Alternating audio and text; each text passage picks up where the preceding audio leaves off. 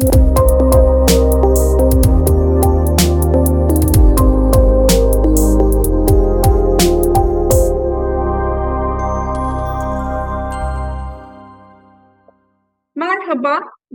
Akademik Podcast serisinin bir yenisinde daha sizlerle birlikteyiz. Ben Ankara Üniversitesi Tıp Fakültesinden e, doçent doktor Güle Çınar. Bugün hepatit konusunda duayen hocalarımızdan biriyle birlikteyiz. Profesör Doktor Sayın Bilgehan Aygen Erciyes Üniversitesi Tıp Fakültesi Anabilim Dalı'nda bizi kırmadılar ve bu podcast davetimizi e, kabul ettiler. Çok teşekkür ediyoruz hocam size. Hoş geldiniz. Hoş bulduk. Ben çok teşekkür ediyorum Gülay'cığım. Hocam sizi bulmuşken e, günlük hayatta sıkça karşılaştığımız, zaman zaman da zorluklar yaşadığımız bir konuyla ilgili e, sorular sormak istiyorum e, izin verirseniz. E, gebelik ve hepatit B. E, bu konuda e, zaman zaman gerçekten e, zorluklarla karşılaşabiliyoruz. E, kafamızı karıştıran sorular olabiliyor. Siz de bu konuda çok deneyimlisiniz. O yüzden bu deneyimlerinizden de yola çıkarak e, birkaç soru sormak istiyorum. Öncelikle gebelikte hepatit B virüsü enfeksiyonunun önemi ve sıklığından bahsedebilir misiniz? Tabii ki. Ee, Gülay'cığım aslında gebelikte HBV enfeksiyonu hem anne hem de fetüs olan etkileri açısından son derece önemli ve çok dikkatli yönetilmesi gereken bir durum.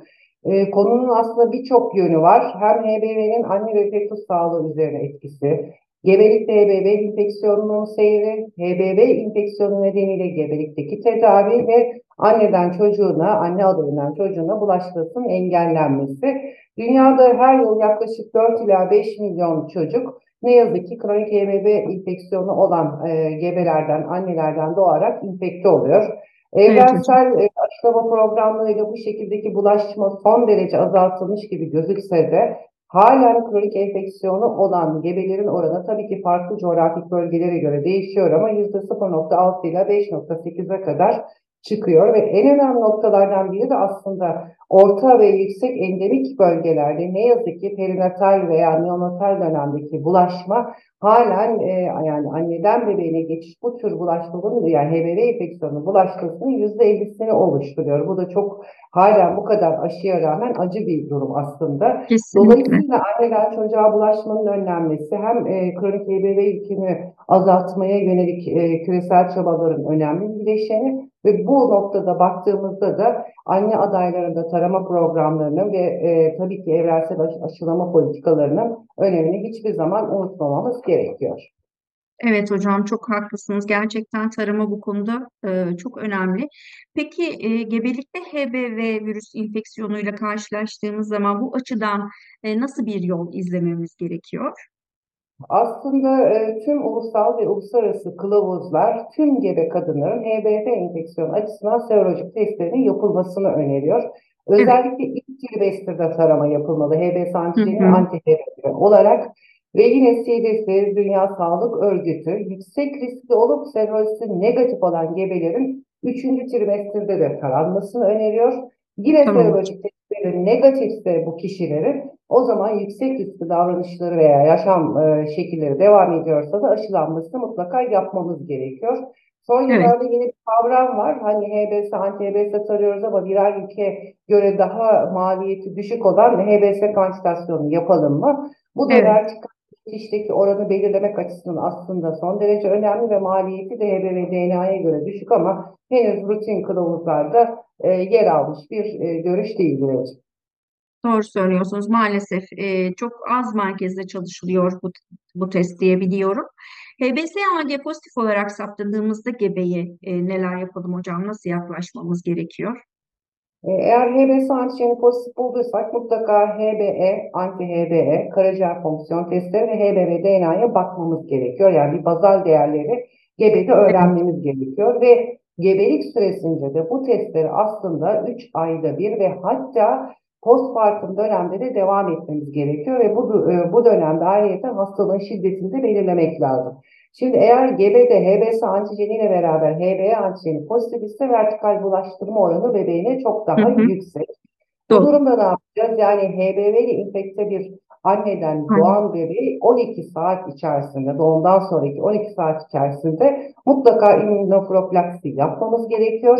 Bunu da hepinizin bildiği gibi hepatit B immünoglobulin artı hepatit B aşısıyla yapıyoruz ve ilk dozunu doğumdan sonra yaptıktan sonra 1 ve 6. aylarda yani 3 doz şeklinde aşılayıp aşılamayı tamamlamamız gerekiyor. Tabii yine buna rağmen yani eğer annenin viralisti yüksekse veya aşıdan kaçan mutantlar var ise intrauterin bulaş %5-10 oranında da ne yazık ki karşımıza çıkan bir durum. Tabii ki bundan sonraki süreçte de HB ve DNA düzeyine göre gebede profilaksi mi gerekiyor, tedavi mi gerekiyor ona karar vermemiz gerekiyor. Evet hocam. Ee, peki tedavi ve profilaksi yaklaşımımız nasıl olmalı HBS, AG'yi pozitif olarak saptadığımız bir gebede? Şimdi gebelik döneminde hasta tedavi açısından değerlendirirken bir kere ge e, gebedeki e, karaciğer hasarının durumu, laboratuvar testleri, gebenin tedaviye veya profilaksi istekli olup olmaması gibi pek çok kavram bu işin içine giriyor aslında ve yine az önce söylediğim gibi rutin olarak zaten pozitif saptadığımız birinde 3 aylık fonksiyon testleriyle beraber HBV göstergelerine bakmamız gerekiyor. Şimdi buradaki en önemli noktalarımızdan biri e, fetüse bulaşmayı engellemek ise o zaman profilaksi nasıl yapacağız? Bu anlamda evet. da yapmamız gereken şey şu. Gebede eğer HB için pozitif bulduk. EE pozitifse zaten bebeğine bulaştırma riski daha fazla. 24 evet. ve 28. haftalar arasında DNA'ya bakıyoruz. Eğer DNA 10 üzeri 6 kopyanın üzerindeyse veya 2 çarpı 10 üzeri 5 internasyonel ünite bölü mililitrenin üstündeyse gebeyi bebeğine bulaştırmayı engellemek için profilaksiye almamız gerekiyor. Şimdi buradaki eşik değer neden bu? Çünkü 10 üzeri 7 ve üzerinde olduğu zaman bebeğine bulaşma olasılığı, bulaştırma olasılığı %9'larda iken 10 üzeri evet. 6 kopyanın altında bulaşma riski gösterilmiş değil. Dolayısıyla hı hı. 24 ve 28. hafta niye derseniz çünkü bir sürü kılavuza bakarsanız bu süre 32 haftaya kadar uzayabiliyor aslında. E, perinatal bulaş için daha doğrusu intrauterin bulaşı engellemek için 28. hafta en ideal süre. Çünkü bundan sonra intrauterin bulaşma olasılığı artıyor ve bebeğin de yine yan etkilerden, ilaç yan etkilerinden korunması için en önemli dönem. Peki ne veriyoruz? Tercihimiz hepinizin bildiği gibi kılavuzlarda da yer aldığı üzere tenofovir e, tercih ediyoruz. Tabii ki tergoidin verilebilir, tap verilebilir ama bunlar henüz kılavuz bilgisi halinde değil. O yüzden şimdiki genel kılavuz bilgilerine baktığımız zaman e, tenefovirle başlamak ve gebelik sonrası 12. haftaya kadar e, devam etmek. Buna genel kabul gören bir görüş. Tabii ki e, kestikten sonra yine 12 hafta sonra kestikten sonra da gebenin yine alevlenme açısından mutlaka ve mutlaka değerlendirilmesi e, gerekiyor. Peki tedavi yapacaksak, profilaksi değil de tedavi yapacaksak gebede nasıl bir yol izleyeceğiz? Tabii ki burada tedaviye başlama indikasyonumuz nedir? Tedavi süremiz nedir? İlaçların teratojenik etkileri, ilaç direnci gibi pek çok faktör ve gebenin sizde işbirliği yapması şart. Çünkü biliyorsunuz gebeler her türlü olumsuz şeyi kullandıkları ilaca bağlayıp sorumluluk almayı haklı olarak bir anne adayı olarak reddediyorlar. Tüm bunların evet. bir kere çok net şartlarla ortaya konması lazım. Şimdi burada iki tane yolumuz var. Bir, eğer kişinin yani HPV enfeksiyonu düşündüğümüz gebenin karaciğer hastalığı ağır değilse, hafif bir kronik hepatitis söz konusu ise az önce söylediğim 3 aylık e, takiplerde gerekirse daha sık hastanın durumuna göre e, gebeliğin sonuna kadar yani çocuk doğurana kadar e, tedavi erteleyebiliyoruz. Bu birinci kriterimiz. İkinci kriterimiz ise ileri evre karaciğer hastalığıysa, işte stirozu varsa, fibrozi ilerlemişse, kronik hepatiti oturmuşsa bu hastalığın kaçınılmaz bir şekilde tedavi edilmesi gerekiyor. Tedavi denemelerin yine az önce profilakside söylediğim gibi tenofovir e, ilk plana çıkan ilaç tergovidin verilebilir, lemovidin verilebilir, tap verilebilir ama tergovidin ve lemovidin için zaten potansiyelinin düşük, yüksek direnç geliştirme potansiyelleri düşünüldüğü zaman çok tercih edilen ilaçlar değil. Yine TAP içinde çok fazla yayın çıktı özellikle son 4 yılda yani gebeden e, çocuğuna bulaştırma riskinin yüzde sıfır olduğunu gösteren ama bunlar henüz kılavuzlara geçecek kadar yeterli veriler değil. O nedenle tercihimiz e, telefovir yolunda. Tabii ki telefovir alırken gebelerde bir de şöyle bir problem var. Ben doğurduğum zaman çocuğumu emzirebilecek miyim? Emzirmede de hiçbir sıkıntı olmadığına ve e, sütteki konsantrasyonun çok düşük olup toksik düzeyde olmadığına e, dikkat çekmek istiyorum. Dolayısıyla güvenle verilebilir. Yani pediatrik dozun tenofovir %0.003'ü kadar bir konsantrasyonda sütte. O nedenle de burada hiçbir sıkıntı olmadığını, güvenli kullanılabileceğini söylemem lazım. Yani ileri e, evre karaciğer hastalığı olan vakalarda çok vakit kaybetmemek gerekiyor. Çok teşekkür ederim hocam. Çok kıymetli bilgiler veriyorsunuz. Sağ olun. Ee, peki gebelik planlayan HBV virüs enfeksiyonu olan ka- kadınlarda yol haritamız nasıl olmalı? Evet bu da bir başka kavram aslında. Yani gebe kalmayı düşünen ama henüz gebe olmayan kronik hepatitli vakalarda yine hastalığın ağırlığına bakıyoruz. Seyrine, şiddetine bakıyoruz. Yine takiplerimiz devam ediyor. Eğer hafif bir karaciğer hastalığı varsa az önce söylediğim gibi gebelik sonuna kadar dikkatli bir takiple bunu götürebilmeniz olası. Ama ileri derecede fibrotik olan hastalarda bekleme gibi bir lüksümüz yok. Ve kısa dönemde de gebelik düşünüyorlarsa eğer bu durumda oral antiviralleri güvenle veremeyeceğimiz için elimizde interferonlar kalıyor. Dolayısıyla pegine interferon tedavisiyle 48 haftalık bir tedavi öneriyoruz.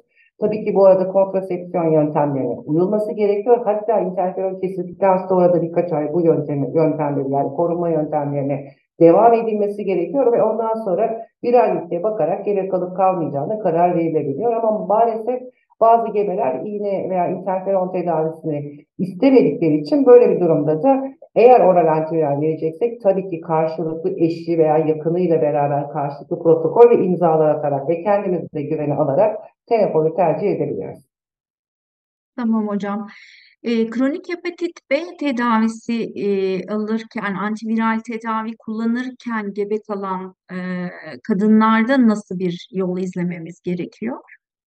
Aslında bu da farklı bir sorun. Bunu her hastanın özelinde yani bireysel olarak değerlendirmemiz ve gebeyle tartışarak karar vermemiz gerekiyor. Çünkü gebelik döneminde tedaviye devam etmek veya kesmek kararı verirken anneye ve fetus olan etkileri göz önüne almak zorundayız. Annede üreme artışı, alevlenme, progresyon gibi risklerin yanı sıra fetus içinde embriyogenez süresinde acaba bir problem yaratır mıyız tartışmaları var.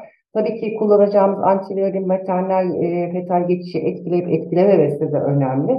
Dolayısıyla aslında son kılavuzlara, güncel kılavuzlara baktığımız zaman hep şu deniyor. Hasta eğer e, kronik hepatit olarak tenofovir tedavisi alıyorsa kesmeyin yolunuza devam edin. Aynı tedaviyle devam edin. Ama eğer hasta başka bir eltekabir veya benzeri bir oral antiviral alıyor ise o zaman tedavini kesip e, tenofovire geçirmesi yolunda öneriler var. Tabii ki bu kesme geçme sırasında da viral yük e, ile beraber hastanın ciddi bir şekilde takip edilmesi gerekiyor. Şimdi bunlar kılavuzlarda yer alan bilgiler ama bu konuyla ilgili yayınlara baktığınız zaman şöyle de bir sürü yazı görebilirsiniz. Birinci trimesterde keselim tedavi, embriyogenezi etkilememek için bunun kararını vermek için de gebenin karaciğer hastalığının çok hafif olması gerekiyor. Ve bunun yaratacağı alevlenme, progresyon riski şu anki kılavuz bilgileriyle göz alınabilecek bir bilgi değil aslında. Daha çok çünkü bu yazılardaki hedef işte ikinci, üçüncü trimesterde verelim. Virallik yüksekse verelim. Hasta ileri evreyse verelim. Birinci trimesterde mümkün olduğu kadar kaçalım ama tekrar tekrar söyleyeceğim. Yani artık tenofovir alıyorsa devam ediyoruz tenofovir değil de başka bir oral antiviral alıyor ise tenofoviri e, geçiyoruz. Pegile interferonların zaten gebelik döneminde kullanılması da kontraindike.